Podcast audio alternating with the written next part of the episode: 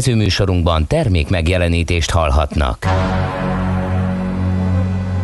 A 90.9 Jazzy bemutatja egy zűrös városban, ahol semmi sem biztos. Csak az adó? Mondom semmi ahol a kisbefektetőket senki sem védi meg a tőzsdei kilengésektől, és a sikátorokban leselkedik a kíméletlen hozamgyilkos. Csak négy férfi múlik a közbiztonsága. Hadnagy urak, merre vannak? A mindenre elszánt és korrumpálhatatlan alakulat vigyáz a rendre minden reggel. Hé, kik ezek az állati nyomozók? Négy férfi egyeset és egy nyalóka. Ács Gábor, Gede Balázs, Kántor Endre és Mihálovics András. Az íróasztal mögül pedig Profit kapitány diktálja a tempót. Humor, emberi sorsok, közönséges bűnözők és pénz, pénz, pénz. Egy különleges ügyosztály. A Gazdasági Muppet Show minden hétköznap reggel a 90.9 Jazzin. De is figyelj, ne csak a bárányok hallgassanak. De miért? Ha nincs pénzed azért, ha megvan, akkor pedig azért. Millás reggeli. Szólunk és védünk. Jó reggelt kívánunk, kedves hallgatók! Elindítjuk az ünnepek előtti utolsó millás reggelit így december 23-án. Itt a 90.9 Jazzy Rádió Mihálovics Andrással karöltve. És Gede Balázsnál miért nem hagytok aludni? Hát nem mindig csak a csöngés. Mondod, mondod, a te. Hát te kigurultál az ágyadból, odaültél a helyi stúdiódba, és már tolhatod is, de én. Nekem Miért fel... olyan könnyű lenne? Hát, és szerintem egyébként könnyebb úgy fölkelni, hogy kávéfőzés, felöltözés, mosakodás, mondjuk a sorrend nem így volt. Ez nálam is megvolt eddig. kocsiba ülés, bejövés. Jó, az is megvolt, hang, csak aztán kiszálltam. Hangmérnöki munkák, de jó, azt nem én csinálom, hanem Vastag Zsolt műszaki vezető, de akkor is itt vagyok, és korán keltem, és nekem is nagyon fáj. Egy hős vagy. De a hallgatók majd De nem orogunk, mert ez a karácsony előtti utolsó adás. Dehogy is, dehogy is. Teljesen Azt jó minden. Nem vagyunk egy Ács Gábor. nem vagyunk mink egy Ács Gábor. Ja. Uh, 06 30 20 10 909 SMS, WhatsApp és Viber számunk ez, is már nagyon korán kelők írtak nekünk, nagyon köszönjük. Vannak ilyenek? Vannak, hát figyelj, Elfa nagyon szerelmes futárt, azt nem lehet elhallgattatni. 5 óra 53 perckor írt nekünk jó reggel, Cseperről Gödöllőre esőben és ködben lehet közlekedni sehol egy nyuszi. Hát igen, ilyenkor nem jellemző, hogy a nyuszikot ugrálnának. Csapásokat adunk és csapásokat kapunk. Így van. Zoli, Viszont még az, a szerelmes utát is megelőzte, ugye ő az, aki Münchenből eszméletlen korán uh, ír nekünk, és mindig elfelejtem, hogy akkor még úton van, vagy már úton van, uh, pedig egyszer megírta. Nagyon jól lehet haladni, jó reggelt, nagyon jól lehet haladni Dél-Münchenben az éjjeli lockdown idején. Kellemes karácsonyt és szép napot kívánok mindenkinek, mi is, neked, és természetesen az összes kedves hallgatónak. Münken. Már most. Münchenban. Igen. 0 30 20 10 9 Jó reggelt, Bea. Szeret... Bocsánat, csak be, bejelentkezett.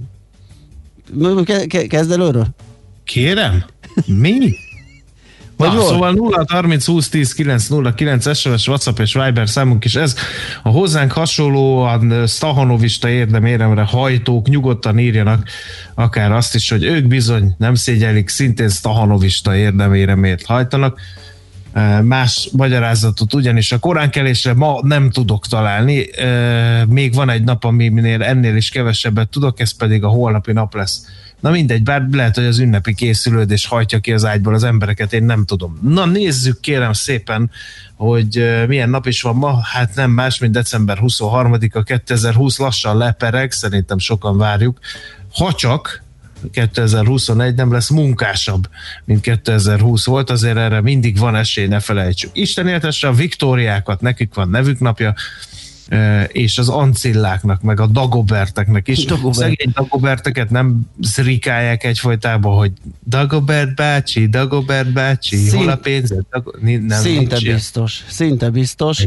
A híres dagobertek között egyébként összesen két ilyen híres egyén, az egyik Dagobert bácsi természetesen, a másik pedig első Dagobert Frank király, és nem meglepő szerintem, hogy az 1990-es években szorványos név. 2000-es években pedig nem szerepel a száz gyakoribb, leggyakoribb férfi név között a Dagobert.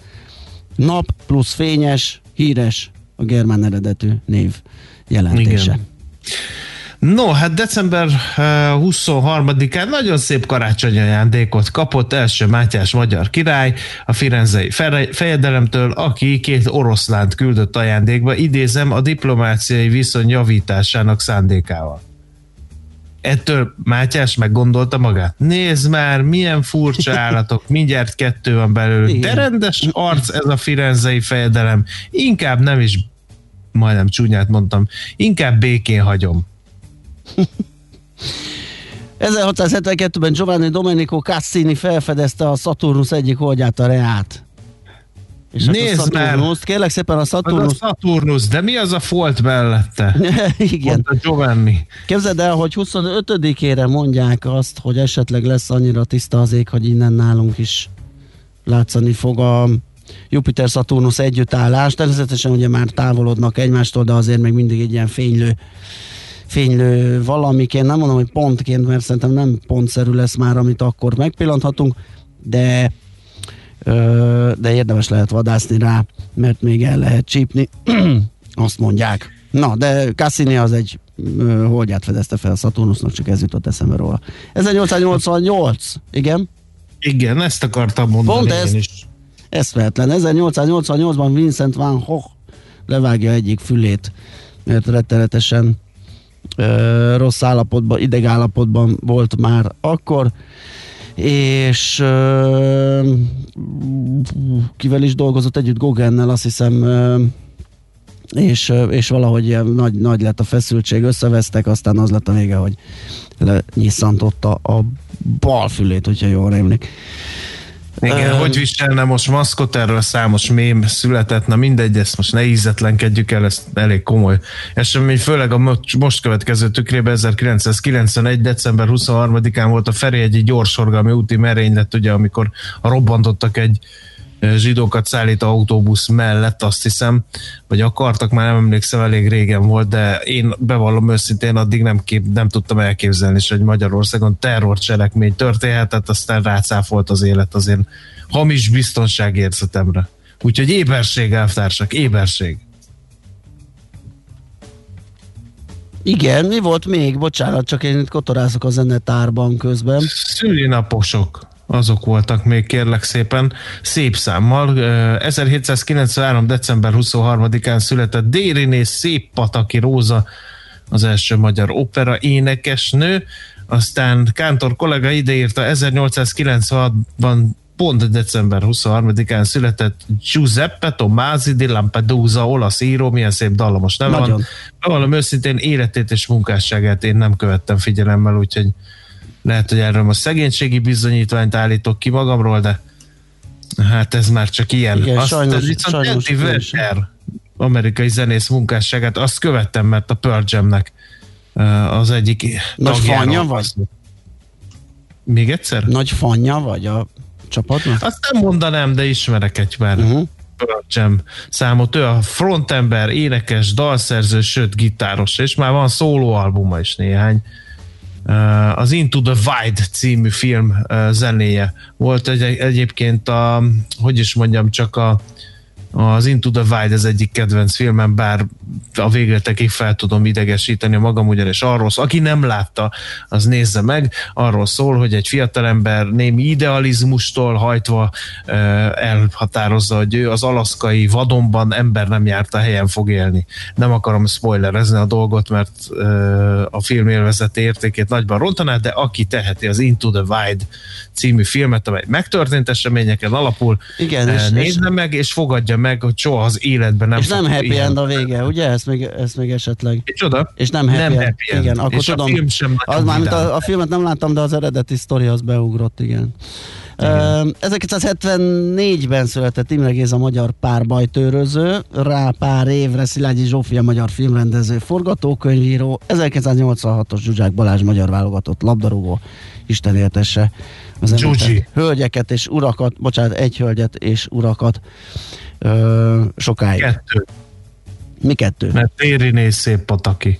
Hát igen, de én ebből a hármasból, akiket elhadartam, arra gondoltam, ja, hogy én meg hát Dérinének már nem tudunk születésnapot, boldog születésnapot kívánni, csak megemlékeztünk születésének napjáról, mert hogy december 23-án született ő is. Na, hát szerintem már is zenélhetünk egyet, hogyha úgy gondolod, te is. A... Egy pörcsem lesz, nagyon várom. Hát kotoráztam, igen, és várhatod még egy darabig, mert a zenetár... Én is erre tettem volna nagyobb összeget. zenetár nem tartalmaz. Egyébként semmi... az Into the Wild zenéje az nem zúzós. Hát én elhiszem. Az ilyen ukulelés feldolgozás, ilyen nagyon Na mindegy, hagyjuk ezt most már. Hát úgyse. jó, nem. Ami, amíg em, Emil Rulezzék zenélnek, addig esetleg írhatsz egy levelet a zenei szerkesztésnek, hogy meggyőzd őket, hogy az éppenséggel beférne nálunk is a Pearl Jam-től, mert hogy most az jön csak a piknik.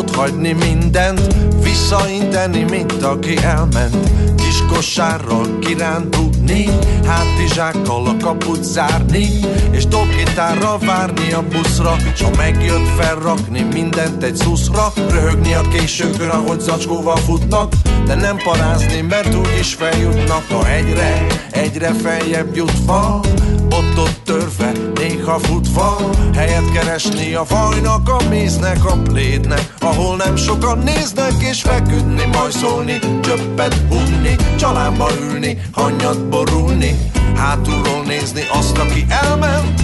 Ugye jó néha ott hagyni mindent Csak a piknik, csak a séta Sajtos kifli, s közben néha Piros szőlő, fehér pesgő Pázsit zöldre pléden fekvő csak a piknik, csak a séta Hosszú léptek közben néha. Piros szőlő, fehér pesgő Pázsit zöldre pléden fekvő. Emberek, gyermekek, asszonyok és labdák Csaholó kutyák, akik a labdát visszahozzák. Napkrémek, könnyű ingek, színes bőnadrágok Focizó kisfiúk, árnyékból néző lányok. Nagy megnyugvások, akkordegyeztetések Dobozos sörnyitások, elszenderedések Aztán hirtelen vezény szóra riadt keresgélés. Ágyacipő húzás, kelletlen visszatérés A egyről egyre lejjebb kúszva Kicsit letörve, de kisimulva Helyet keresni a szívnek, az agynak lent. Ahol túl sokan vannak és dolgozni, hajszolni, csöppet se unni. Autóba ülni, de nem kiborulni. Szembenézni azzal, hogy jobb fent. Ugye jó néha ott hagyni mindent. Csak a piknik, csak a séta Sajtos kiflik, közben néha Piros szőlő, fehér pesgő Pázsit zölden, pléden fekvő Csak a piknik, csak a séta Hosszú léptek, közben néha Piros szőlő, fehér pesgő Pázsit zöldre, pléden fekvő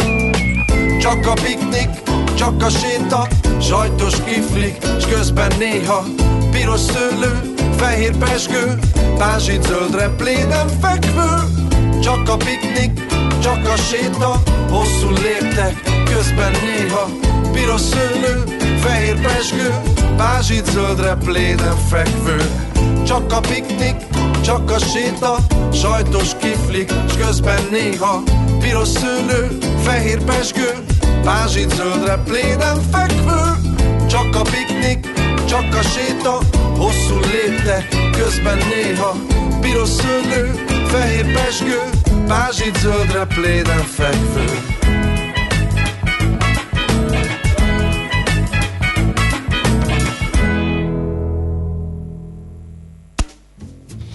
Ez a Millás reggeli továbbra is itt a 90.9 jazzén, és azzal foglalkozunk, hogy a lapokat olvasgatjuk. Hát figyelj, én azt olvasom a Magyar Nemzet színlapján, hogy világszínvonalon születik majd újjá a sokáig korszerűtlen a magyar hadipar. Előnyt kovácsolt az ország a hátrányból, ütőképes hadsereg épül ki hazánkban, ezt Marót Gáspár védelmi fejlesztésekért felelős kormánybiztos mondta, aki bemutatta a lapnak a Rheinmetall vállalat szerepét, és olyan kutatásokat is vázolt, amelyek már a tudományos fantasztikum világát idézik, milyen költői ma reggel a magyar nemzet. Marót Gáspár szerint a mostani az első olyan magyar kormány, amely meglátta a lehetőséget abban, hogy a NATO által is elvárt védelmi költségvetés nem csak érvágást, hanem komoly ipari és gazdaságfejlesztési programot is jelenthet, azzal, hogy nem visszafelé tervezünk, az uniós országokhoz képest is előnyt szerezhetünk a kormány biztos szerint. Arról is beszélt még, hogy kezdtük a nulláról, és ez ma már történelmi előnyé kezd válni. Vázolta a régiós országok helyzetét, rámutatva, hogy minden V4-es ország más stratégiát követ. Hasonló tendencia kezdete figyelhető meg, mint ami az autóiparban végbe ment, ahol 30 éve az utolsó pozícióból vezető gyártási helyszínnél váltunk írja tehát a magyar nemzet, és kérem szépen a korszerű Lynx harcjármű díszíti ezt a cikket, és hát ugye tegnap a portfólión olvastam, hogy egyedi fejlesztési török bázison uh, épülő, de egyedi fejlesztésű ilyen um, uh, szállító járműveket is fogunk majd gyártani, ilyen baromi nagyokat, mint amilyenek a Humvee például. Nagyon jó lesz. Én a napi pontot olvasgatom. Veszel egyet, mi? Abszolút, és azzal fogok bejárni, és ide leparkolom a Detrekő utcába. A napi pont... Lesz helyed. Igen. A napi.hu a letelepedési kötvényekkel foglalkozik, ugye egy ideje nem hallottunk ezekről vagy csak én nem. Lejárt egy újabb kötvény sorozat, és gondolom ennek apropóján készült egy összeállítás a napi.hu-ra arról, hogy összesen mennyi van még ebben a konstrukcióban, meg hát mivel ugye eurós kötvények, ugye itt árfolyambukta is van, de a legtöbbet ugye a forgalmazás körüli balhékról lehetett hallani, azt is feleveníti a cikk. Ugye a 300 ezer eurós névértékű 2%-os kamatú kötvényekhez 277 ezer eurós diszkont áron jutottak a forgalmazók, ezt adták tovább 300 ezerért, tehát ott azonnal volt egy 23 ezer eurós haszon, plusz forgalmazói jutalék, közvetítési jutalékot is felszámolhattak Úgyhogy igazán ez egy jó biznisz volt ennek a közvetítése ezt a sztorit le, lehet tehát bővebben. Még mindig maradnék a magyar nemzetnél, mert érdekes cikk van megint a címlapon, hogy le lehet győzni a bíróságon az adóhivatalt, töretlen a pereskedési kedv. Idén összig 1100 esetben támadták meg a vállalkozások a hatóság másodfokú döntéseit, az elmúlt években is nagyjából ennyien. A magyar nemzet szerint az adózók nem is feltétlenül esélytelenek, az idén 100-ból 21 esetben győztesen tárgyaloztak a tárgyalóteremből. Ez azt is jelenti, hogy az adóhivatal 79%-os pernyertességi arányt mutathat fel. Legtöbbször egyébként az áfa ügyek és az ingatlanok forgalmi értékének megállapítása adott okot pereskedésre. A tárgyalóteremben az áfa és az illeték sláger témának nevezhető, az viszont újdonság, hogy megugrott a vámérték megállapításával kapcsolatos eljárások száma is. Az a Portfolio.hu arról ír, hogy tíz éves háborúját kell átmenetileg feladni a Magyarországnak, de már gyűjti a muníciót a folytatáshoz. Ez nem más, mint az államadosság elleni küzdelem és erről van szó, 2020-ban ismét emelkedik Magyarország GDP arányos államadosság, sőt, a 10 éve kezdődött harc teljes eredményét elviszi a koronavírus járvány.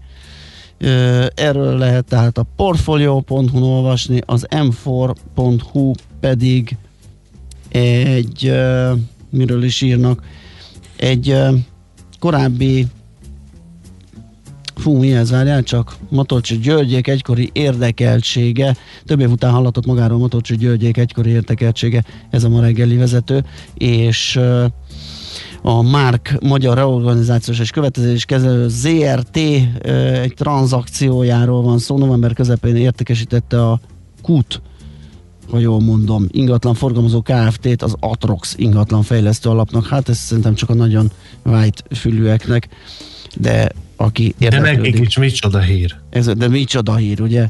Az m vannak részletek erről a tranzakcióról, Mit nézzünk még? Nálad van egyéb? Van még egyébként Na, a Népszava címlapján egy érdekes hír arról, hogy a Tarlos István főpolgár mestersége alatti időszakban kerültek a fővárostól az államhoz a hév, és az agglomerációs buszjáratok. Most ezekhez a járatokhoz évente 6 milliárd forinttal kell hozzájárulni a fővárosnak, miközben az átadás idején alig 3 milliárdot kapott a főváros a 72 milliárdos vagyonért. Ráadásul az is vitatott, írja a népszava, hogy az évi 6 milliárdos hozzájárulás kisebbe, és ha igen, akkor mennyivel, mint a járatok korábbi főváros terhelő veszteségei. Úgyhogy ez még egy érdekes szelete a mai magyar rögvalóságnak.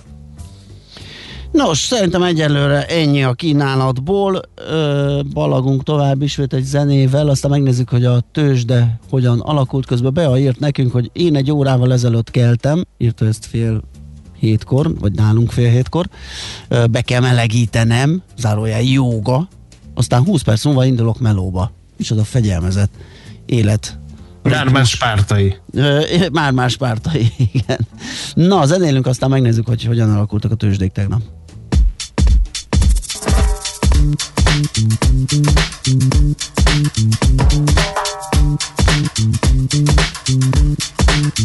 utca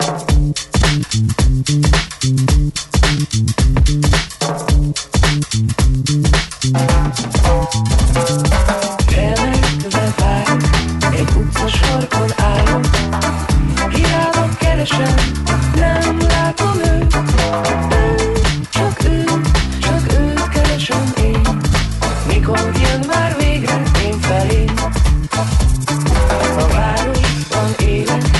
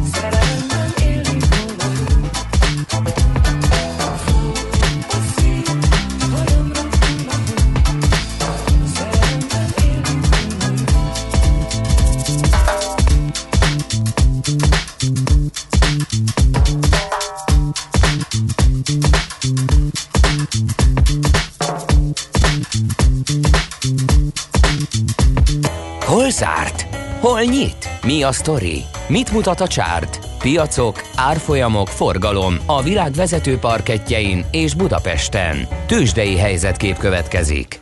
Hát azt írják az összefoglalók, hogy jaj, alig volt forgalom a B-ten, 1,4%-kal emelkedett a Bux, 566 Igen. pontra, 41.049 ponton zárt, 5 milliárd volt Igen. a forgalom.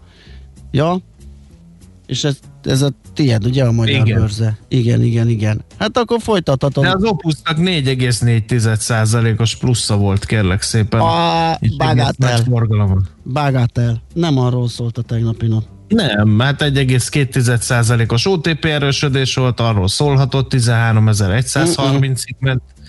A MOL még többet, 1,9%-ot, 2100-ig, a Richter 1,2-t, 7355-ig, és a Telekom is gyötrődött egy 3 forintot, 8 ot 372 forintig. Aki az apró pénzt gyűjti, annak volt érdemes ezekkel foglalkozni, mert a tegnapi nagy menő. A Waberers. Hát az. Hát az, apukám. Nem tudom mennyi... 16,3. Benne voltál?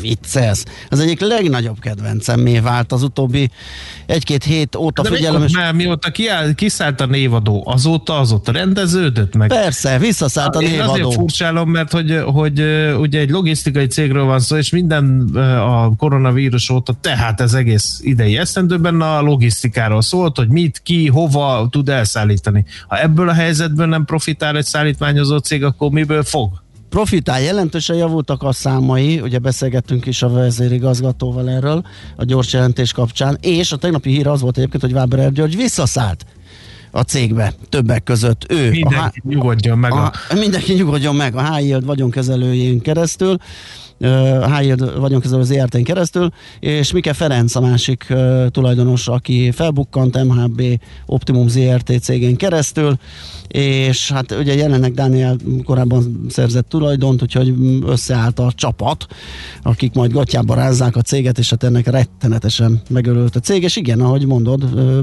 nagyon komoly potenciál van a logisztikai fronton.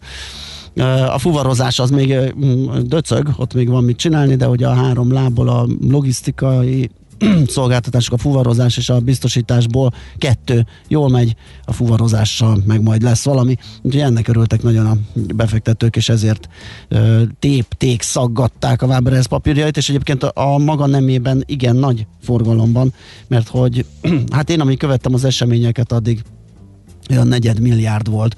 Tehát ez önmagába véve is sok a Waberers-től, de ha meg azt nézzük, hogy az egész napi 5 milliárdnak ez az egy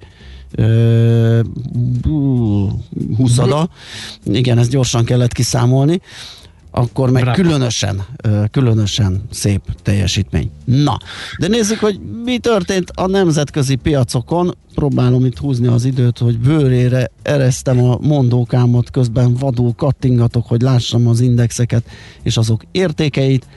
Kérlek szépen, de nem látom, Figyelj, addig, amíg magadhoz térsz, egy giga baleset van, kérlek szépen oh. a Robert Károly körúton. Egy ember meg is sérült, busszal ütközött egy kamion. Uh.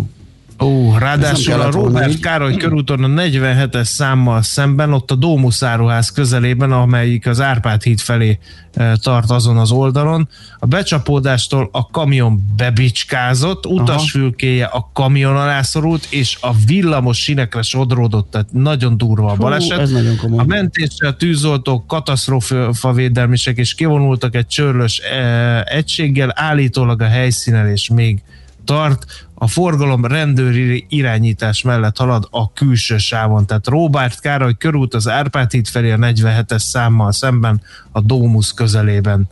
Van Na. egy giga baleset, aki tud, az kerülje. Közben megtaláltam a nemzetközi mutatókat, a Amerikában vegyes kép volt, a Nasdaq emelkedni tudott fél százalékkal, az S&P csökkent 2 tizeddel, a Dow Jones pedig 7 tizeddel.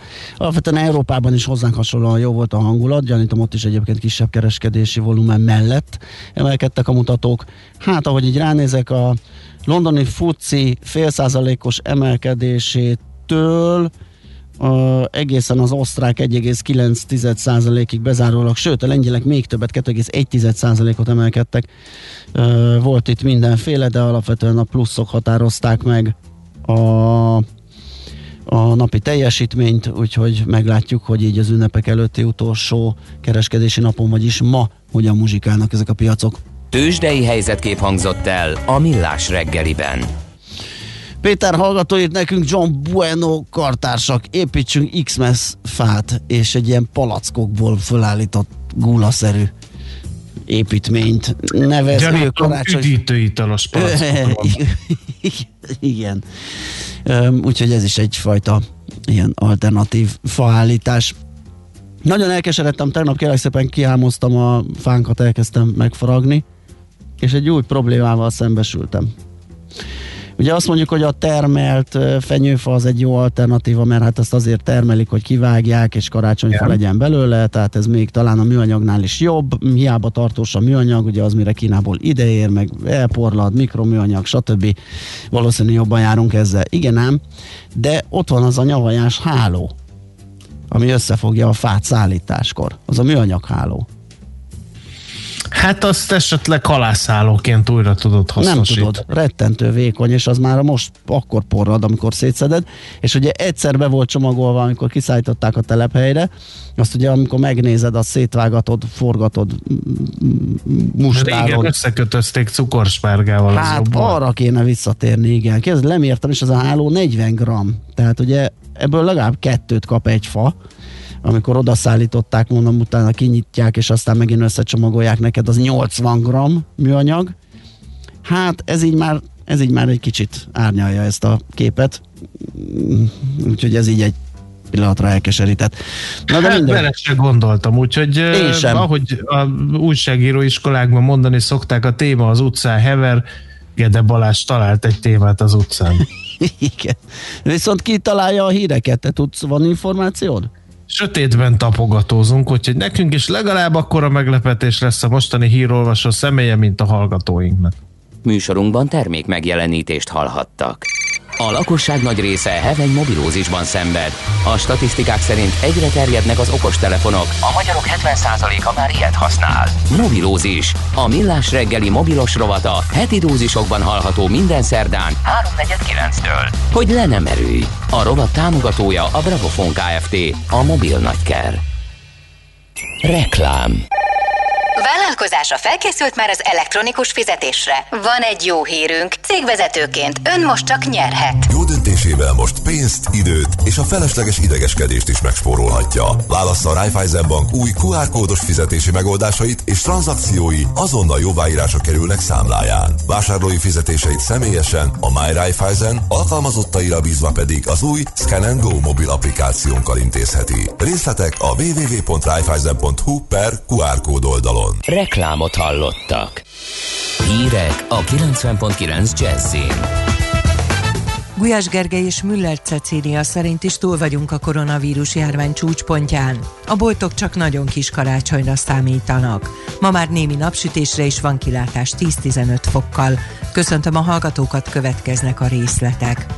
Gulyás Gergely szerint túl vagyunk a koronavírus járvány csúcspontján. A kormány tegnapi sajtótájékoztatóján kijelentette, az adatok egyértelműen erre mutatnak. A miniszter elmondta azt is, hogy a Pfizer vakcinából 5000 darab érkezik hamarosan, így a két ünnep között megkezdik az egészségügyi dolgozók beoltását, de orosz és kínai vakcinák is jönnek, az utóbbinak a vizsgálata már hazánkban is folyik, egyébként több országban már oltanak vele.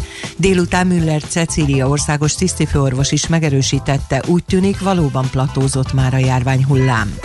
Több helyen elmaradt december 24-én az éjféli mise, illetve 25-én az ünnepi istentisztelet, máshol regisztrációhoz kötik a részvételt, illetve korlátozzák a hívek számát a templomokban a koronavírus járvány miatt.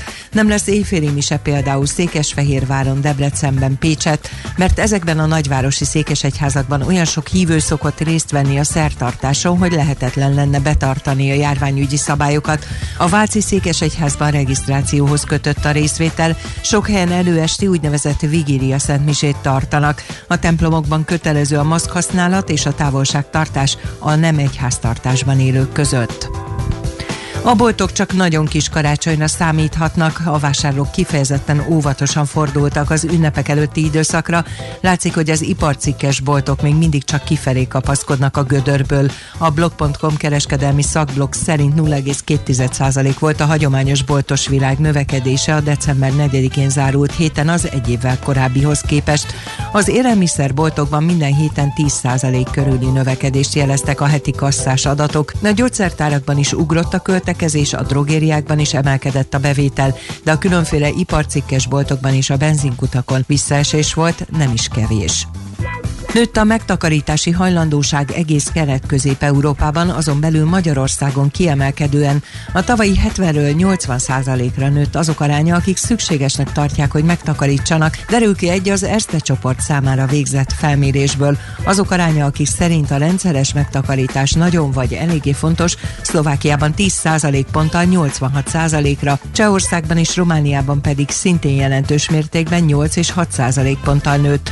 Magyarországon a legnagyobb ugrást a pandémiás helyzet a fiatalok megtakarítási hajlandóságában hozta, míg 2019-ben a 15-29 évesek mindössze 56%-a gondolta fontosnak, hogy félretegyen, addig 2020-ban ez az arány már 80% volt. Brüsszel arra kéri a tagállamokat függesszék fel a brit utazási tilalmat. Az Európai Bizottság ugyanakkor azt javasolja, hogy akinek nem feltétlenül szükséges, az ne utazzon. A közleményben hangsúlyozzák, hogy az enyhítésre azért lenne szükség, hogy folyamatos legyen a kontinens és Nagy-Britannia közötti élelmiszerellátás. Azt írták, hogy jelenleg is több nagyrészt élelmiszert szállító teherautó vesztegel a Doveri kikötőnél, hogy Franciaországba jusson. Azok számára is fontos lehet az enyhítés, akik Nagy-Britanniából utaznának haza az ünnepekre, idézi a közlemény az Unió igazságügyi biztosát. Az Egyesült Királyságban szeptember 20-án mutatták ki a koronavírus egyik új mutációját, amely nagyobb tempóban kezdett terjedni Londonban és Anglia délkeleti részén. Az országok annak ellenére döntöttek a korlátozás mellett, hogy az új mutációról egyelőre nagyon keveset tudni. Az időjárásról a megélénkülő szélben többfelé felszakadozhat a felhőzet, hosszabb, rövidebb időre kisüt a nap, északkeleten maradhat borongós párás az idő helyenként kisebb esővel, utóbbi tájakon 5-8, máshol 9-15 fok várható. Köszönöm a figyelmet, a hírszerkesztőt László B. Katalint hallották. Budapest legfrissebb közlekedési hírei a 90.9 Jazzin a City Taxi Dispécsejétől. Jó reggelt kívánok, köszöntöm Önöket! A fővárosban szitál az eső, nedvesek, csúszósak az utak, vigyázzanak magukra, és bár csendes még a város és jól is lehet haladni az utakon, de jó, ha tudják, hogy baleset történt a Robert Károly körúton, a Pap Károly utca előtt az Árpád híd felé tartó oldalon, és sávlezárásra és lassabb haladásra kell készülni. Jó utat és kellemes rádiózást kívánunk! A hírek után már is folytatódik a millás reggeli, itt a 90.9 jazz Következő műsorunkban termék megjelenítést hallhatnak.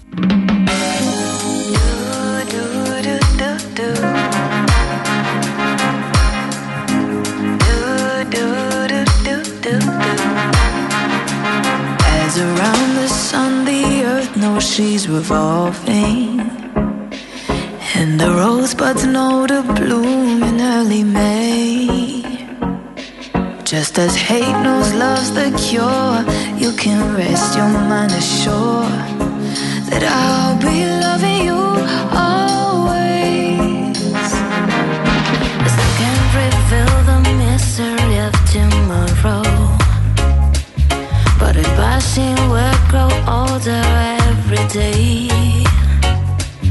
just a soul that's born is new. Don't know what I say is true. That I'll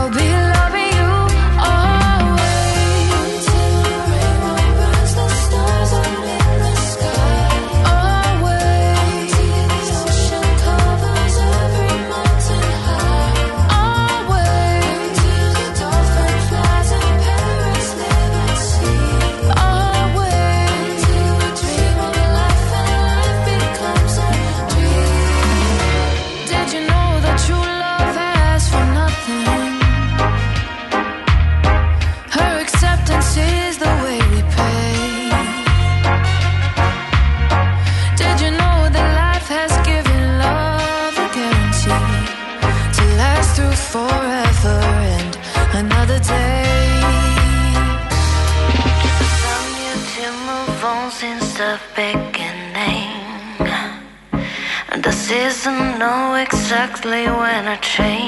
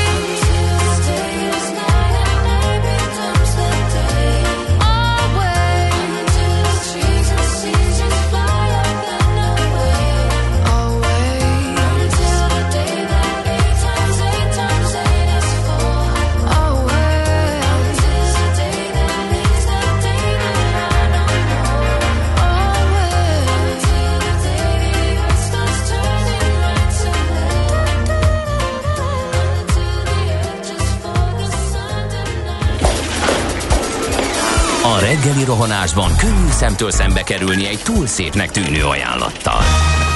Az eredmény krétával körberajzolt tetemes összeg. A tethelyen a gazdasági helyszínelők, a ravasz, az agy és két füles csésze és fejvállalakzat. A lehetetlen küldetés megfejteni a Fibonacci kódot. A jutalom egy bögre rossz kávé és egy olyan hozamgörbe, amilyet még Alonso Mosley sem látott. Millás reggeli, a 90.9 Jazzy Rádió gazdasági mapetsója. Vigyázat! Van rá engedélyünk! Jó reggelt kívánunk a most ébredőknek, köszöntjük az eddig is velünk tartókat. Ez a Millás reggel itt a 90.9 Jazzy Rádion. December 23-a van, szerda reggel, 7 óra 10 perc, és otthoni stúdiójában Mihálovics András. Bent pedig Gede Balázs tartja a frontot. Köszöntök én is mindenkit. 0 30 20 10 9 0 9 SMS, WhatsApp és Viber számunk is. Ez közlekedés információkat is lehet ide küldeni az észrevételek, óhajok, sóhajok és panaszok mellett. Budapest legfrissebb közlekedési hírei, itt a 90.9 jazz azt írja nekünk Löpapa Morgan Freeman kartársak Paper Dog lettem, de így sem nem volt jóformán senki a rutinon. Klinikák, ülői körút, West End, hús, békés ünnepeket kínál, kíván nekünk, mi is, neked Löpapa, és uh, írt nekünk Tina is, azt írja, jó reggelt, jók a zenék is, ma csömör útjai jól járhatóak, úton a Hentes felé. Hú, micsoda remek program. Áldott karácsonyt kívánok mindenkinek, mi is, neked kedves Tina és az összes kedves hallgatóinknak, és hát ahogy az ilyenkor lenni szokott kicsit kevés az útinfo, amit meg tudunk osztani. Nekem ennyi azért volt. van. Igen? Az első kerület Lisznyai utcát lezárják az Orvos utcánál, mert arra építkezni fognak, illetve útszűkület van a 20. kerületben a Vágóhíd utcában, a Klapka utcánál, ott meg csatornát építenek. Budapest, Budapest, te csodás! Hírek, információk, érdekességek, események Budapestről és környékéről. Na, hát egy pár információnk. Az egyik arról szól, hogy gyakorlatilag új Buda megtelni látszik. Eszméletlen iramban ugrottak neki a lakásépítők a kerületnek. Ugye a 11. kerület mindig is egy felkapott hely volt, vagy, vagy egy kellemes hely volt, még akkor is, amikor ugye a lakótelepek voltak a menő ingatlan formák és hát ez, ez nem nagyon változott, most is egy igen népszerű hely, és hát nagyon vad tempóban nőnek fel a sokameletes társasházak, ami azért problémát is jelent, mert hogy uh, Újbuda önmagában véve is egy akkora település, hogyha, hogyha önálló településként vennénk, akkor az ország ötödik legnagyobbja lenne. 143 ezer lakossal, és erre jöhet most rá a következő években még 40 ezer új lakos. Ugye ott a Dúbudai Dunaparti részen még van bőven olyan zöld terület, vagy barna zóna, amit be lehet építeni társasházakkal. Hát és ez bizony erősen megterheli majd a környék forgalmát, így is elég nehéz a közlekedés. Úgyhogy új Buda gyakorlatilag tényleg sem megtelni látszik. Egy közlekedéssel kapcsolatos hír, hogy az ünnepekhez igazodnak a vonatok, a távolsági buszok, sőt a Balatoni kom menetrendje is. A vonatok például december 23-án, azaz ma, a pénteki, 24-én a szombati, 25-én és 26-án az ünnepnapi, és 27-én a vasárnapi menetrend szerint fognak közlekedni. A volánbuszjáratok 24-én a szabadnapi menetrendnek megfelelően a megszokottnál ritkábban korlátozásokkal közlekednek, December 25 és 26-án pedig a munkaszüneti napok beosztása szerint indulnak a járatokkal, szintén, járatokkal, szintén korra, korlátozásokkal a kora hajnali órákban. És ami még fontos lehet, hogy a BKK december 21 és 23 között az iskolaszüneti, december 21-én a szombati, december 25 és 26-án a vasárnapi menetrend szerint indítja majd járatai, de az nagyon fontos, hogy a kedvelt Budapesti kiránduló helyekre a Normafához, a Margit szigetre és a Fenyőgyöngyéhez például sűrűbb közlekedést fognak biztosítani, és az is nagyon fontos, hogy a a téli szünet után január 7-éig fogadják majd el a decemberi havi dolgozó és tanuló bérleteket. És egy kis lomtalanítás, rendrakás, takarítás, a karácsonyi időszakban is sok feladatban segítettek Óbuda Békás megyer közterület felügyelet, városüzemeltetés és köztisztasági osztályának a munkatársai. Részt vettek az idő előtt kihelyezett lomok elszállításában, lomtalanítást követő takarításban, valamint intézményeket fertőtlenítettek, és a rászorulókhoz is eljutották az önkormányzat által felajánlott karácsonyfákat. Kilenc kerületi intézményben végeztek teljes körű fertőtlenítést, amely lett folytatódott a lombgyűjtés Békás megye Duna felőli oldalán, Belső Budán, a gyógyszergyári lakótelepen, Kasszásdülön és a római lakótelepen. A Takarítsuk meg az országot projekt keretében 14 helyszínen számolták fel az illegális hulladék lerakatokat, ahonnan mintegy 24 köbméter hulladékot szállítottak el. Folyamatos volt a járdaseprés, az utcabútorok takarítása a Római téren, a Vizimolnár utcában, az Amfiteátrum utcában, hüde hosszú a lista egy csomó helyen. A játszótereket, fitnessparkokat is kitakarították és megjavították a sérült játékeszközöket, saját készítési padokat ö, helyeztek ki, kilenc helyszínen vagy újították fel, 11 új hulladékgyűjtő edényt helyeztek ki a régiek helyére, 7 helyszínen pedig saját készítésű szemettekeseket tettek ki. Na hát ez tényleg nagyon derék. Nos, zenéljünk, és akkor azt követően pedig feltárcsázunk Várkonyi Gábor autós szakértőnket, mert hogy tovább koncentrálódik az autópiac, mert hogy egyesülhet a PSA és a Fiat Chrysler. Nekünk a Gellért hegy a Himalája.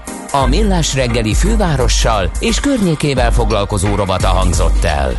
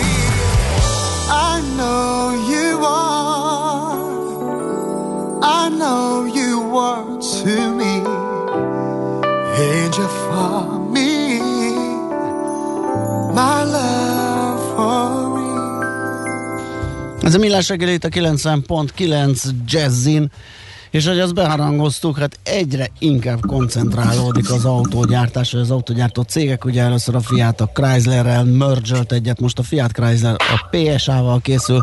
Márkai Gábor autós szakértőnk avat be a részletekbe. Szia, jó reggelt!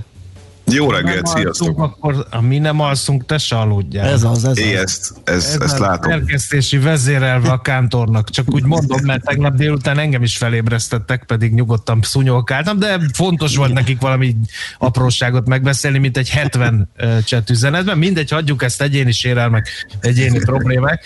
No, figyelj, mert nincs új a nap alatt, mert hogy ezt már jó régen eldöntötték, csak annyi van, hogy a versenyhivatal is rábólintott, nem? Igen, de igazából azt is tudtuk már, hogy, hogy, hogy rábólint hónapokkal ezelőtt, tehát a, én nem tudom, hogy miért pont most lett ebből így még egyszer egy ennyire fókuszban lévő hír. Nyilván a, a történetnek a jelentősége miatt, hiszen ugye a negyedik legnagyobb autógyártó készül így el ezáltal, de, de a, az eredeti problémák, amelyek alapján az EU-nak a, a versenyjogi felvetései miatt késlel tetődött ez az egész, hogy ilyen körmönfontan fogalmazzak, azok már ugye meg voltak oldva, és az, hogy ezek hogyan lettek megoldva, azt is, tehát arra is meg volt a világos recept, ugye uh-huh. elsősorban arról volt szó az Európai Unió területén belül, belül lévő működés kapcsán, hogy ugye túlzottan nagy hatással lesznek a kis teherautó piacra,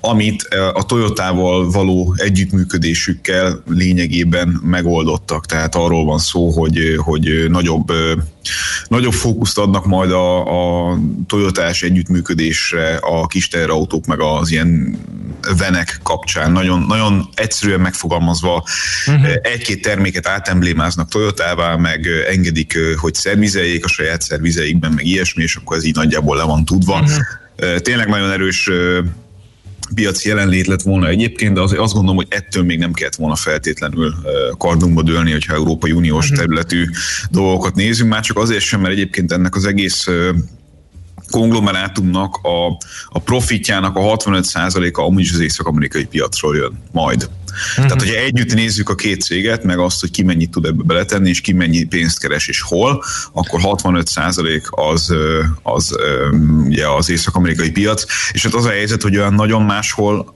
Európán és az észak-amerikai piacon kívül jelentősen nincsenek ott még. Uh-huh. Tehát okay. van, vannak különböző próbálkozásaik Kínában is, meg nyilván a dél-amerikai piacon is, de alapvetően azért annyira nem, nem erősek sehol máshol. Volt még egy erős ága egyébként a, a Peugeot-nak Iránban, de az, az, annak a működése az, az nagyjából le lett keverve az elmúlt Igen. egy-két évben.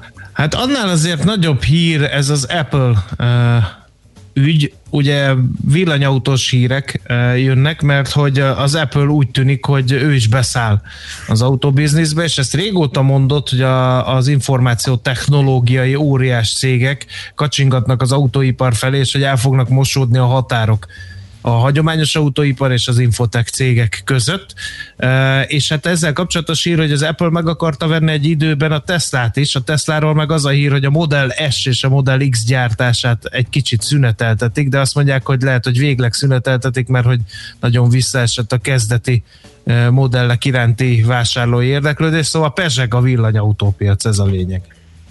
Hát a villanyautó egész pontosan uh, a, a a connected, meg, a, meg a, az autonómus, tehát a, a, két, a két kulcs szó az összekapcsolt, meg, a, meg az önvezető autózás az, ami, ami igazán érdekes, az, hogy ez mondjuk a végén elektromos lesz, ez kb. egyértelmű, tehát eldöntött, uh-huh. tehát ez már, nem, ez már nem kérdés. Ugye van, a, van az a mozaik szó, ami úgy hangzik, hogy case, ez a connected, automated, shared és electric, ebből a, uh-huh. ebből a négy szóból jön ki, és ugye e köré, a négy buzzword köré építi gyakorlatilag mindenki a stratégiáját, keresve a helyét abba, hogy mivel tud kompetitív módon részt venni a piacban, és mi az, amiből inkább így, hogy mondjam, ki kell vonulni ahhoz, hogy egyébként a, a fontos dolgokra tudjon még koncentrálni. És az uh-huh. Apple kapcsán ugye azt kell látni, hogy azt gondolom, hogy abból a szemszögből érdemes vizsgálni a kérdést, hogy hogy lehet olyan hírekkel jönni, hogy az Apple majd autót fog gyártani, csak ebben pont az autó az, ami a legkevésbé érdekes és fontos, hiszen azt látjuk, hogy ez egy, ez egy, ez egy héj szintre fog degradálódni, mert nem ez lesz ilyen értelemben a lényeg a jövő autójában, hanem a szoftver, ami működteti, még csak nem is a hajtás, hanem az, hogy ezt az egészet hogyan lehet mondjuk magasabb színvonalon ténylegesen egymással összekötve, és adott esetben bizonyos szakaszokat már most, tehát már most alatt azt értem, hogy belátható időn belül teljesen automatikusan, tehát önvezető uh-huh. módon megtéve. És emögött ugye mi, milyen üzleti modell fog állni, és amit de ezt ebből... bocsáss meg, mielőtt így az üzleti modellre rátérnél. Egy időben ebben nagy volt a lendület az önvezető autóba, szor, sorra jöttek a képek, videók a kísérletekről, stb. stb. Aztán történt egy-két baleset, és most egy ideje, mint hogyha nem hallhattunk volna az önvezető technológia fejlesztéséről. Ennek nem a balesetek a, az elsődleges okai, mert alapvetően az önvezető szoftverek bizonyos körülmények között már most is ugye nyilván a hibaszámot tekintve egészen jó dolgokat, vagy jobb dolgokat tudnak produkálni. A kísérleti hogy mondjam, a kísérleti területek előírásait, meg, meg, meg sajátosságait figyelembe véve, de azért az önvezetés attól, hogy minden élethelyzetben önvezetés legyen, azért nagyon-nagyon messze van. Csak arra gondolunk, mm-hmm. hogy mondjuk infrastruktúra szempontjából mennyire eltérő, vagy vezetési stílus szempontjából mennyire eltérő részek vannak a világon. Tehát azt szerintem, aki, aki vezetett már valaha életébe Amerikába, az pontosan láthatja és gondolhatja, hogy nem véletlenül ott van először önvezetéssel kapcsolatos kérdés, hiszen egyfelől rettentesen unalmas vezetni Amerikában az esetek döntő többségében Másfelől, mivel az egész életüket az autó köré építették föl, ami nem egy nagyon egészséges dolog, hiszen nincsen tömegközlekedés úgy alapjaiban, nem nagyon tudsz mit csinálni magaddal autó nélkül, és ez egy bevett életforma Amerikában, hogy ugye naponta több órát töltesz dugóban meg autóban, ugye adódik a kérdés, hogy miért, tehát hogy miért kell ezt így csinálni, mennyivel jobb lenne ugye az önvezetés. Tehát a piaci igény az nyilván az Egyesült Államok autózási kultúrája miatt jelent meg erősen az önvezetés irányába és ott ugye az infrastruktúra szempontjából is sokkal könnyebben kezelhető problémák vannak. Tehát eleve alapvetően alacsonyabb sebességekről beszélünk nagy részt, mint, mint, mint mondjuk Európában. Sokkal könnyebben átlátható utakról, tehát szélesebb utakról, nagyobb utakról, nagyobb áteresztő képességű utakról, ugye nincsenek olyan történelmi belvárosok, amelyek mondjuk adott esetben nehezebbé tennék az autózás tekintetében az infrastruktúrális kérdéseket, és itt ugye bizonyos ügyeket hamarabb és könnyebben meg lehet majd oldani, de eredeti kérdésedre visszatérve, nem a balesetek jelentik az igazán nagy problémát, hanem azt, hogy, az, hogy a legtöbb autógyártó beszállítója, de még a tech cégek is rájöttek, hogy azért az erre fordítandó összegek azok nagyságrendekkel magasabbak, mint amivel eredendően számoltak. Tehát megoldottak bizonyos problémákat, és utána jöttek újabb problémák, amelyek megoldásához az eredeti büdzsének a többszöröse volt már, hogy mondjam,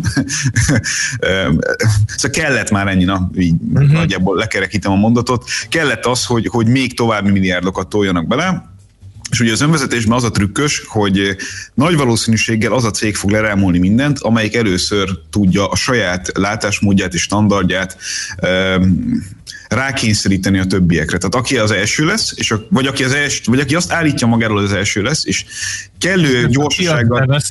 Igen, és kellő gyorsasággal be tudja lendíteni ezt, az nagyjából az összes többinek a milliárd dolláros fejlesztési költségeit egyből, hogy mondjam, irrelevánsát teszi, mert nem lesz kettő, három vagy öt típusú önvezetés, hanem egy típusú önvezetés lesz, ez majdnem bizonyos, a legtöbb szakértő ezt így látja alapvetően legalábbis, aki ezzel a témával foglalkozik elsősorban. Hát de várjál itt meg sietni, azért nagyon-nagyon veszélyes tendencia lenne, hiszen önvezető autóról beszélünk, amiben beülünk, aztán az autó vezet, nem én, tehát itt, hogyha valaki elszúr valamit, és ki, az első lesz, de kiderül, hogy hamar munkaritkájó, abból meg baromi nagy bukó lehet, és már nem csak ránézve, hanem az egész technológiára nézve. Hát, és csak úgy gondolj abba bele, hogy törvényhozói oldalon itt micsoda aknák rejlenek a, a kérdésben. Tehát valakinek ezt ugye engedélyeznie kell majd állami oldalról. Ugye, hogy ha, ha ez engedélyezve van, meg utána még a felelősség is le van nagyjából játszva, tehát hogy, hogy mondjuk miért felel az autógyártó, miért felel a biztosító, miért felel az ember, aki benne ül, mi történik akkor, amikor tényleg adott esetben baj van, mert hogy előbb-utóbb ugye a nagy számuk törvény alapján az önvezetés kapcsán is lesz majd baleset. Nyilván, hogyha össze van minden autó minden autóval kötve, akkor ennek a valószínűsége lényegesen kisebb lesz, mint bármikor máskor előtte, de hát nem lehet kizárni arra is kell ugye egy, egy, egy hogy mondjam, egy kész forgatókönyvvel rendelkezni, hogyha valami probléma van, akkor mi fog történni. Figyelj, és ez már eldőlt, hogy ezt, mert ugye azt mondtad, hogy ennek úgy bevezetni az önvezető autót a piacra, hogy van 15 önvezető, meg 3812 nem önvezető autó az utakon, hogy nagyon sok értelme nincsen. Vagy mindenki önvezető, vagy senki sem az. Akkor viszont hogy lehet december 31-én még bárki közlekedhet az utakon, aztán január 1-én meg már csak az önvezető? Nem, ez ugye... Ha ez nincs egy komoly probléma szerintem. A, a nagy, tehát a tervek alapján azért ezt valahogy úgy képzelik el a legtöbb helyen, hogy, hogy az önvezetésnek is vannak különböző stációi. Például azt mondjuk, hogy, hogy autópálya közlekedést teljesen önvezető módon, azt nagyjából már most is meg tudják oldani az autógyártók, hiszen ott nincs keresztirányú forgalom, ott egy csomó minden sokkal egyszerűbben megoldható, és nem feltétlenül kell az autóknak tudniuk, tehát minden résztvevőnek nem feltétlenül kell tudnia kommunikálni egymással ahhoz, hogy ez biztonságosan megoldható legyen. De ez egy helyzete az autózásnak, nem a, nem a teljes spektruma annak, hogy hogyan vezetünk autót. Szóval az könnyen elképzelhető, hogy hogy autópálya asszisztenst azt hamarosan látni fogunk, sőt, hát igazából level 3 szinten ez már gyakorlatilag adott, és azért vannak autók, amelyek képesek erre. Európában is voltak gyártók, amelyek képesek voltak erre, a törvény oldal nem volt megadva hozzá. Uh-huh. Tehát például a jelenlegi A8-as Audi az úgy jött ki, hogy level 3-at alapvetően tudta, csak a szabályozói szinten nem tudták keresztül venni, verni Európai Uniós és, és helyi, tehát nemzeti szinten sem, tehát Németországban sem, hogy, hogy ezt az autót így lehessen használni, és utána feladták. Kész a technológia, ott van, megveheted egy autóban, de nem tudták engedélyeztetni, és már nem is fogják megpróbálni engedélyeztetni ebben a típusban van ezt. Ez csak egy példa. A, a amire eredendően reflektálnom kell, amit kérdeztél, az pedig, az pedig sok, sokszor beszéltünk erről az adásban is, hogy ezt valahogy úgy képzeljük el, hogy elkezdenek szépen terjedni az önvezető zónák, mondjuk egy belvárosi környezetből kifelé terjedve. Tehát azt mondják, hogy mondjuk lezárnak három négyzetkilométernyi területet mondjuk egy szigorúan belvárosi környezetben, oda onnantól fogva nem mehet be olyan autó, amely nem képes kommunikálni a többi autóval, akik ott éppen önvezető tevékenységet folytatnak, hogy ilyen rendőrzsargonban beszéljek.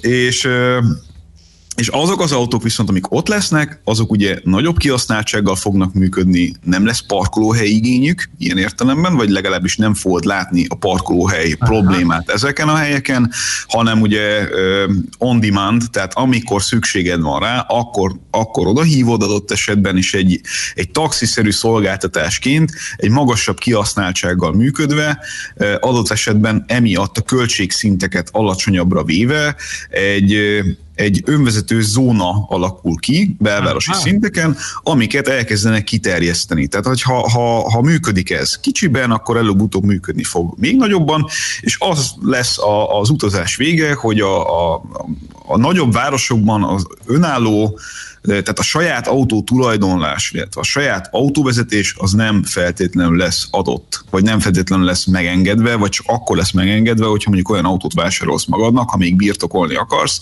amely képes erre az infrastruktúrára rákapcsolódni. Tehát magyarul egy régi autóval mondjuk ilyen zónába behajtani nem fogsz tudni, vagy nem lesz engedélyezett adott esetben. Hm. De ennek az egésznek a, a gyorsasága, meg a terjedése, meg ilyesmi, ez egy, szóval itt azért a homlok egyenest egymásnak ellentmondó dolgoknak a, a, a tömkelegét lehet olvasni, és hogyha az ember mind a két végletet folyamatosan tanulmányozza, még akkor sem biztos, hogy el tudja dönteni magától, hogy akkor ez most mikor fog megtörténni, vagy, vagy hogy fog megtörténni, vagy meg fog-e történni, vagy az biztos, hogy gyökeres változás lesz az autótulajdonlásban is, az is biztos, hogy gyökeres változás lesz a közlekedés szervezésében is, de az is biztos, hogy önmagában ez a kérdéskör a, a nagyvárosoknak a, a közlekedési problémáit baromi nem fogja megoldani. Uh-huh. Világos. Tehát az hogy, az, hogy majd egyedül fogunk üldögélni, vagy kettesével fogunk üldögélni önvezető elektromos járművekben a belvárosban, hát az ugyanannyira nem fenntartható, mint hogyha saját magunk vezetjük ezeket az autókat a dugóban. Tehát a tömegközlekedést, meg, a, meg a, az egyéni autózás visszaszorítását, azt úgy, tehát azt párhuzamosan kell elképzelni. Tehát a mhm. tömegközlekedés fejlesztése, meg az egyéni autózás visszaszorulása, főleg belvárosi környezetben, meg sűrűn lakott környezetben, ez, ez, ez kéz a kézben fog egymással járni. Ez, ez nem, okay. nem, nem fog máshogy menni. Gábor, köszi szépen, hogy felkelthettünk. Jövő héten valamikor szeretnénk, ha jönnél, csak hát... Á, megint felkeltünk. Ö, nem héten. tudom, a szerkesztés kezd egyre kevésbé olajozottan működni itt a millás reggelibe. Nem mi vagyunk. Valami, nem, mi, nem, nem mi. Igen. A másik kettő, aki nem dolgozik, mi elviszük azt, igen, igen. Úgyhogy jövő héten valamikor ugyanitt, jó? Majd értesítenek a kollégák. És mi ezen vagyunk, csak addig... nem tudjuk, hogy a szerkesztők is ezen vannak. Boldog karácsonyt, akkor Boldog viszont akkor nem kívánok boldog új évet, mert akkor jövő héten találkozunk. Igen, igen, boldog valószínű. Karit. Boldog karácsony. Sziasztok. Szia, szia. Hello, szia. Várkonyi Gábor autós szakértőnkkel váltottunk pár szót, most gyorsan hírek, utána jövünk vissza és folytatjuk a millás reggelit. Műsorunkban termék megjelenítést hallhattak. Társadalmi célú reklám következik. Itt a 90.9 Jazzin. Legyél angyala egy kisgyermeknek. Készíts neki karácsonyi ajándékot, vagy segíts adományoddal, és mi megtesszük helyetted. Az angyalbatyú szebbé teheti a karácsonyt a nehéz sorsú gyermekeknek is. Csatlakozz te is! Hívd a 1356-ot, vagy látogass el az angyalbatyú.hu oldalra. Készült a katolikus karitász megbízásából. A társadalmi célú reklám után hamarosan visszatérünk a stílusos zenékhez. Itt a 90.9 Jazzin. Reklám Vállalkozása felkészült már az elektronikus fizetésre. Van egy jó hírünk. Cégvezetőként ön most csak nyerhet. Jó döntésével most pénzt, időt és a felesleges idegeskedést is megspórolhatja. Válassza a Raiffeisen Bank új QR kódos fizetési megoldásait és tranzakciói azonnal jóváírása kerülnek számláján. Vásárlói fizetéseit személyesen a My Raiffeisen, alkalmazottaira bízva pedig az új Scan Go mobil applikációnkkal intézheti. Részletek a www.raiffeisen.hu per QR kód oldalon. Reklámot hallottak. Rövid hírek a 90.9 Jazzin. Gulyás Gergely szerint túl vagyunk a koronavírus járvány csúcspontján. A kormány tegnapi sajtótájékoztatóján kijelentette, az adatok egyértelműen erre mutatnak. A miniszter elmondta azt is, hogy a Pfizer vakcinából 5000 darab érkezik hamarosan, így a két ünnep között megkezdik az egészségügyi dolgozók beoltását, de orosz és kínai vakcinák is jönnek, az utóbbinak a vizsgálata már hazánkban is folyik, egyébként több országban már oltanak vele. Délután Müller Cecília országos tisztifőorvos is megerősítette, úgy tűnik valóban platózott már a járványhullám. Több helyen elmarad december 24-én az éjféli mise, illetve 25-én az ünnepi istentisztelet, máshol regisztrációhoz kötik a részvételt, illetve korlátozzák a hívek számát a templomokban a koronavírus járvány miatt. Nem lesz éjféli mise például Székesfehérváron, Debrecenben, Pécset, mert ezekben a nagyvárosi székesegyházakban olyan sok hívő szokott részt venni a szertartáson, hogy lehetetlen lenne betartani a járványügyi szabályokat. A Váci Székesegyházban regisztrációhoz kötött a részvétel, sok helyen előesti úgynevezett vigília szentmisét tartanak. A templomokban kötelező a maszk használat és a távolságtartás a nem egyháztartásban élők között. A boltok csak nagyon kis karácsonyra számíthatnak, a vásárlók kifejezetten óvatosan fordultak az ünnepek előtti időszakra. Látszik, hogy az iparcikkes boltok még mindig csak kifelé kapaszkodnak a gödörből. A blog.com kereskedelmi szakblog szerint 0,2% volt a hagyományos boltos világ növekedése a december 4-én zárult héten az egy évvel korábbihoz képest. Az élelmiszerboltokban minden héten 10% körüli növekedést jeleztek a heti kasszás adatok, a gyógyszertárakban is ugrott a költek közlekezés, a drogériákban is emelkedett a bevétel, de a különféle iparcikkes boltokban és a benzinkutakon visszaesés volt, nem is kevés. Brüsszel arra kéri a tagállamokat függesszék fel a brit utazási tilalmat. Az Európai Bizottság ugyanakkor azt javasolja, hogy akinek nem feltétlenül szükséges, az ne utazzon. A közleményben hangsúlyozzák, hogy az enyhítésre azért lenne szükség, hogy folyamatos legyen a kontinens és Nagy-Britannia közötti élelmiszerellátás. Azt írták, hogy jelenleg is több nagyrészt élelmiszert szállító teherautó vesztegel a Doveri kikötőnél, hogy Franciaországba jusson. Azok számára is fontos lehet az enyhítés, akik Nagy-Britanniából utaznának haza az ünnepekre, idézi a közlemény az Unió igazságügyi biztosát. Az Egyesült Királyságban szeptember 20-án mutatták ki a koronavírus egyik új mutációját, amely nagyobb tempóban kezdett terjedni Londonban és Anglia délkeleti részén. Az országok annak ellenére döntöttek a korlátozás mellett, hogy az új mutációról egyelőre nagyon keveset tudni. Az időjárásról a megélénkülő szélben többfelé felszakadozhat a felhőzet, hosszabb, rövidebb időre kisüt a nap, északkeleten maradhat borongós párás az idő helyenként kisebb esővel, utóbbi tájakon 5-8, máshol 9-15 fok várható. Köszönöm a figyelmet, a hírszerkesztőt László B. Katalint hallották. Budapest legfrissebb közlekedési hírei, itt a 90.9 jazz jó reggelt kívánok! A fővárosban tart a műszaki mentés a Róbert Károly körúton, az Árpád híd felé a Pap Károly utca előtt. Egy sáv járható, emiatt a Lehel utcától lépésben lehet csak haladni. A bevezető útvonalakon, a nagyobb csomópontok környékén, a rakpartokon és a hidakon zavartalan az előrejutás. A Váci úton befelé a Radnóti Miklós utcánál lezárták a buszsávot, illetve a 8. kerületi Baros utcában a Kálvária térnél. Mindkét irányban szintén sávlezárásra kell számítani, gázvezeték javítás miatt. Lezárták az első kerületben a Lisznyai utcát az Orvos utcánál építkezés miatt várhatóan délután 5 óráig. Január 8-áig az M3-as metró helyett minden nap a Lehel tér és a Nagyvárad tér között közlekedik a pótlóbusz.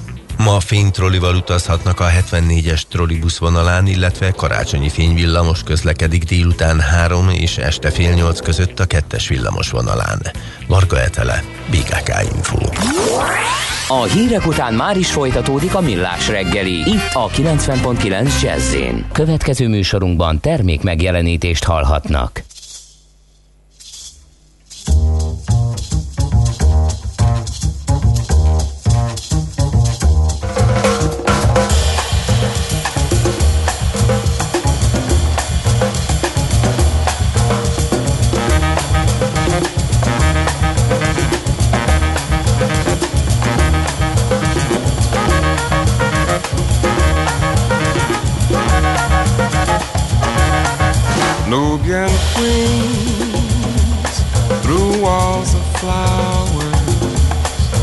Spirits rise from the sea,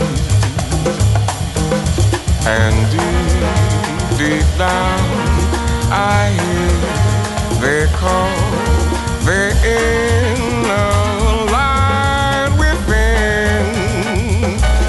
Nubian chant of joy and sorrow, desert stars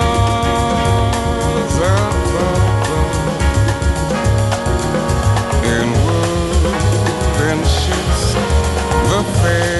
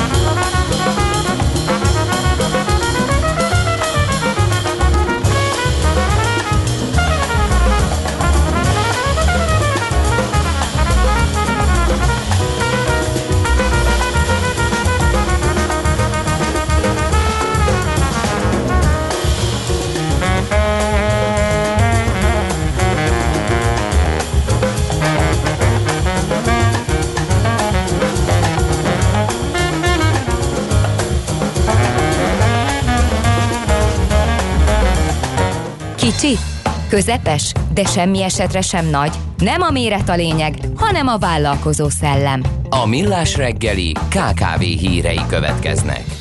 A kata módosításáról, mármint a kata adózás módosításáról már beszéltünk jó sokat, de annak a hátteréről ugye, hogy a munkaviszony, megbízási viszony hogyan alakul, hogy kell ezt elhatárolni, hogy ne legyen összekeverhető, ez legalább két szempontból is fontos. Az egyik pont a változás okán, ugye, hogy a, az a bizonyos foglalkoztat vagy munkaviszony vagy látszat Hát munkaviszony. Küldözik, ugye azért Igen, igen, az igen. egész katafelfordulást, hogy Így ne van. lehessen bújtatott munkaszerződéssel vállalkozóként foglalkoztatni valakit, aki igazából munkavállaló. Na, ennek a hátterét vizsgáljuk meg Fischer Ádámmal, a Niveus Consulting Group jogi partnerével. Jó reggelt kívánunk! Jó reggelt kívánok! Na. No, hát akkor azt vegyük uh, gorcső alá, hogy mi a munkaszerződés, és az miben különbözik a sima megbízási szerződéstől, mert ha minden igaz, a megváltozó szabályozás nyomán a NAV ezt fogja leginkább ellenőrizni. Ez így egészen nem pontos. Az, De hogy tudtam, valami, bocsánat. igen, az hogy, az, hogy valami munkaszerződés vagy munkaviszony, az több szempontból is lehet nézni. A, ennek van egy munkajogi oldala, van adójogi oldala, és van teljesen önállóan a kata szempontból vett elhatárolás. Ami uh-huh. fontos, hogy nem teljesen, de egy kicsit mégis mást vizsgál egy munkaügyi bíróság, hogyha munkajogi vita van, mást vizsgál a közigazgatási bíróság, ha, adó, ha adóvita van, és a kata pedig egy teljesen önálló saját rendszer dolgozott ki. Az tény, hogy az elmondások szerint a katát nagyon sokan használták arra, hogy munkaviszony helyett katás vállalkozókat alkalmazzanak, és ezzel jelentősen csökkentsék azokat a közterheket, amit a kifizetett, hívjuk ebben az esetben bérnek, a kifizetett bér után kellett befizetni az államnak. Uh-huh. A kata törvénynek van egy saját definíciója, ami egy vélelmet állít fel arra, hogy ha bizonyos feltételek nem teljesülnek, akkor automatikusan munkaviszonynak kell tekinteni minden további nélkül. Ez, van egy felsorolás, benne van az, hogy a pénz a több mint a felét kapja a, a bérnek bérét egy munka, munkáltatótól, nem maga osztja be az idejét, a, nem a vállalkozónak a tulajdonában vagy birtokában álló ingatlanon dolgozik, stb. Tehát, hogyha ezek a, ezeket a szempontokat, amiket felsorol a, a katatörvény, azok nem teljesülnek, akkor automatikusan úgy kell tekinteni, hogy ez, hogy ez egy munkaviszony. Uh-huh. Ettől függetlenül, ha egyébként valaki nem katás is vizsgálni szokta a NAV, már nagyon régóta vizsgálja, hogy aki vállalkozási szerződéssel dolgozik egy cégnek, ott valójában nem arról van ez szó, hogy egy munkaviszonyban dolgozik, csak ez a katánál a nagy adókülönbség miatt kifejezetten nagy súlyjal bír. Ezért vezették be jövőre azt a változást, hogy, hogy ez, amit most már szerintem mindenki ismer, aki ebben érintett, hogyha 3 millió forintnál többet fizet valaki egy katás vállalkozónak, akkor a 3 millió fölötti részre még 40% adót kell fizetni. Ez nem jelenti azt, hogy megváltoztatták volna azt, hogy mikor minősítik munkaviszonynak, hanem tulajdonképpen abból indult ki a pénzügyminisztérium, hogyha valaki több mint 3 millió forintot kap egy helyről, akkor az úgyis valójában munkaviszony, és ezzel akarják egy ellenérdekelté tenni a feleket abba, hogy, hogy hatásan szerződjenek. De ez nem nyúlt bele a feltételrendszerbe. Uh-huh. E, és ez, ezeket én ilyenkor mindig azon gondolkodom, hogy ezeket a feltételeket hogy lehet ellenőrizni rajtaütésszerűen megjelennek az adóhatóság emberei, és megkérdezik a munkavállalót, hogy te mit keresel a munkáltatót bejelentett székhelyén, mikor te katás vállalkozó van? Vagy hát lehet oda bemenni ügyintézés céljából is. Most itt persze jár az agyam, és ezért lehet, hogy botorságot mondok, de elsőre ez Nem, sőt, kifejezetten, kifejezetten életszerű a példa. Uh, szerintem akkor itt, itt érdemes pár szót ejteni arról, hogy általában mi a különbség egy munkaviszony meg egy megbízási vállalkozási viszony között. Az egyik sőt talán a legfontosabb elhatároló körülmény, hogy egy munkavállalónak rendelkezésre állási kötelezettsége van. Tehát, hogyha valakinek a munkaideje 8-tól 4-ig tart, akkor neki főszabály szerint akkor is bent kell ülni 8-tól 4-ig a munkahelyén, ha aznap éppen semmi teendője nincsen. Mert hogy bármikor előfordulhat, hogy valamilyen munkát kap.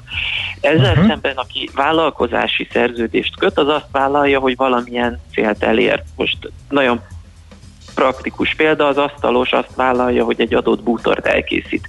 Hogy ő ezt Igen, de ő azt nem vállalja, hogy a a megbízójának a székhelyén rakja össze ezt az asztalt, és ott gyalulja, meg festi le. Valami, valahogy így kell elképzelni. Ne, nem is ez a különbség, hanem az uh-huh. a mhm. különbség, hogy, a, hogy aki megrendeli, az nem szólhat bele azon kívül, hogy ő kb. milyen múltort szeretne, de nem szólhat bele abba, hogy ő ezt este csinálja, hétvégén csinálja, reggel kilenckor csinálja, saját emberrel, uh-huh. nem saját emberrel. Er, ebbe uh-huh. lehet ebbe lehet beleszólni valamilyen szinten, de, de egyébként az az ő dolga, hogy ezt hogyan osztja be, és nem kell attól még megjelennie három nappal a határidő előtt nem csinál a munkahelyen, hogy kitöltse a munkaidejét, hanem egyszerűen szól, hogy ő kész van. Uh-huh. Ez, ez lenne így, a, ezzel szemben mondjuk egy, egy, nem tudom, aki a recepción kell, hogy bent üljön, az akkor is bent kell üljön, hogyha éppen semmilyen dolga nincs, és egyébként internetezhet, mert történt, nem történik semmi a két ünnep között az irodában. Ez egy uh-huh. ilyen alapvető különbség, és igen, pontosan ezek a különbségek is felmerülnek, hogy hol kell végezni a munkát, vagy hol lehet, vagy milyen időbeosztásban, kinek az eszközeivel. Ezek azért nehéz, tehát ezért volt nagyon jó a kérdés, mert ezek nem ilyen tiszták, tehát nem úgy van, hogy egy megbízott az csak a otthonról dolgozik, hiszen vannak olyan feladatok, amit szükségszerűen a megbízónak a székhelyén kell elvégezni. Most akár egy őrzősvédés, őrzővédelmi vállalkozóra gondolunk, ő neki oda kell mennie az embereivel, mm. hogy mondjuk védjen egy épületet Világos. Vagy Nagyon kevés időnk maradt, hadd had kérdezzenek a, a hallgatók is. Az egyik, ami furdalja az oldalukat, hogy az állami cégek vajon miért kaptak mentességet, erről lehet tudni valamit? Nem tudom, hogy, hogy mi volt a konkrétok, Aha. nem nagyon magyarázták meg. Az egyik, amit, amit ügyvédként tudok, hogy például az ügyvédeknek, va, akik kirendelt védők, ő nekik például az állam fizeti ki az összes munkájuk Aha. után a kirendelt védői díjat, tehát hogy ott nagyon visszás lenne az, hogyha csak amiatt, hogy az összes külön kis munkájuk után egy helyről kapják a pénzt, akkor is adót kéne fizetni. És a másik a függő ügynökökkel mi lesz? Ez mindig előkerül, amikor katás beszélgetést folytatunk, ugye ők egy pénzintézetnek a termékeit ö, értékesítik, tehát ö, igazán nagyon hamar megtelhet az a bizonyos keret.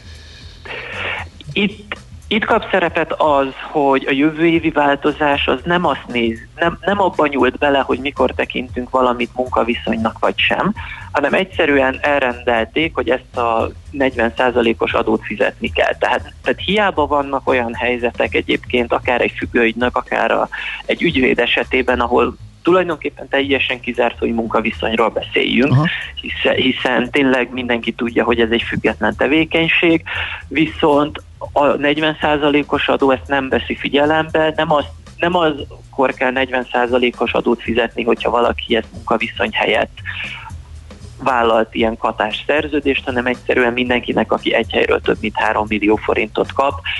Ebből a, ebben az értelemben ez egy fűnyíró elvnek is Aha. tekinthető Világos. szabályozás. Tehát nincs tekintettel arra, hogy, hogy, hogy ez egyébként valójában munkaviszonyt leplez-e.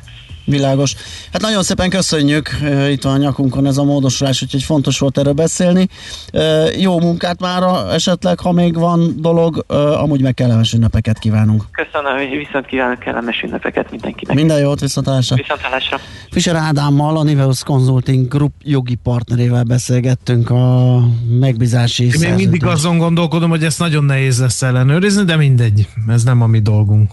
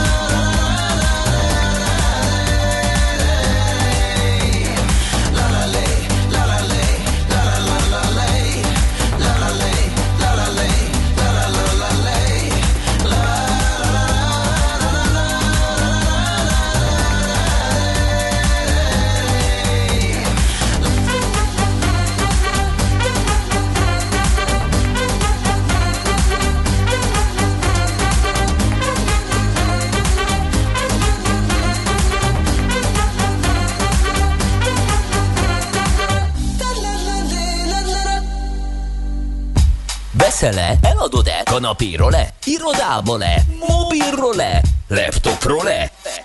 Kényelmesen, biztonságosan, rengeteg ajánlat közül válogatva, időspórolva, ugye-e, hogy jó? Mert ott van a mágikus E. E-Business.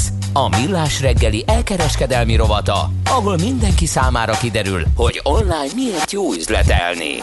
Folyamatosan a január 1-ével életbe lépő változásokról beszélgettünk, hát itt az e-businessre is jut egy ilyen, vagy legalább egy, mert hogy 2021. január 1-én lép életbe az online kereskedelmi csalások visszaszorítását célzó erős ügyfél hitelesítés, és a helyzet az, hogy nemzetközi viszonylatban is kereskedők ezrei készületlenek még e tekintetben, ami az internetes kereskedelem eddig leg, eddigi legnagyobb hát megrendülését okozhatja Európa szerte. Ez a probléma, de hogy ezen hogy lehet órá lenni, vagy egyáltalán, hogy mit jelent ez egész pontosan, és mit kell tenni a kereskedőknek, az kisedével a Víza Magyarországért felelős területi vezetőjével nézzük át. Jó reggelt kívánunk! Jó reggelt kívánok! Üdvözlöm a rádióhallgatókat, köszönöm a lehetőséget. Mivel vannak megcsúszva a kereskedők, mi a teendőjük ebben az ügyben? A, az erős ügyfél, ügyfélhitelesítés megvalósítása kapcsán minden szereplőnek volt teendője. Tehát itt beszélünk a kibocsátó bankokról, a kártya elfogadó szolgáltatókról, az a fogyasztókról is beszélünk, és a kereskedőkről is. Tehát a, a fogyasztóknak is fontos, hogy, hogy a napra készek legyenek az adataik a bankjuknál, valamilyen módon elérhetőek legyenek a bank részéről, hogy ezt a plusz biztonsági réteget meg lehessen valósítani köztük és a kibocsátó bank között. A kereskedőknek a legfontosabb feladata, hogy kapcsolatba lépjenek a, az elfogadó szolg, kártya szolgáltatójukkal, és lehetőleg a 3DS, ennek a biztonsági technológiának a legújabb verzióját kapcsoltassák be velük szemben. Tehát ez nagyon fontos, hogy a, az online térben működő kereskedők és az elfogadó partnerük ö, működtesse a 3DS Secure legújabb verzióját. Akkor ez valójában az ő feladatuk, vagy a banké, akivel kapcsolatban áll, vagy neki csak a jelzést kell mm, foganatosítani, vagy, vagy mi itt pontosan a teendő, és mennyire gyorsan tudják ezt még megtenni, mert a január 1 az itt van a nyakunkon. A, tehát az, a kereskedőnek is kell rendelkezni bizonyos rendszerekkel. Tehát a weboldalon keresztül érkező fizetések nek meg kell felelni a szabályozás előára, elő, előírásainak, ha nem, akkor elutasíthatják őket a kibocsátó bankok.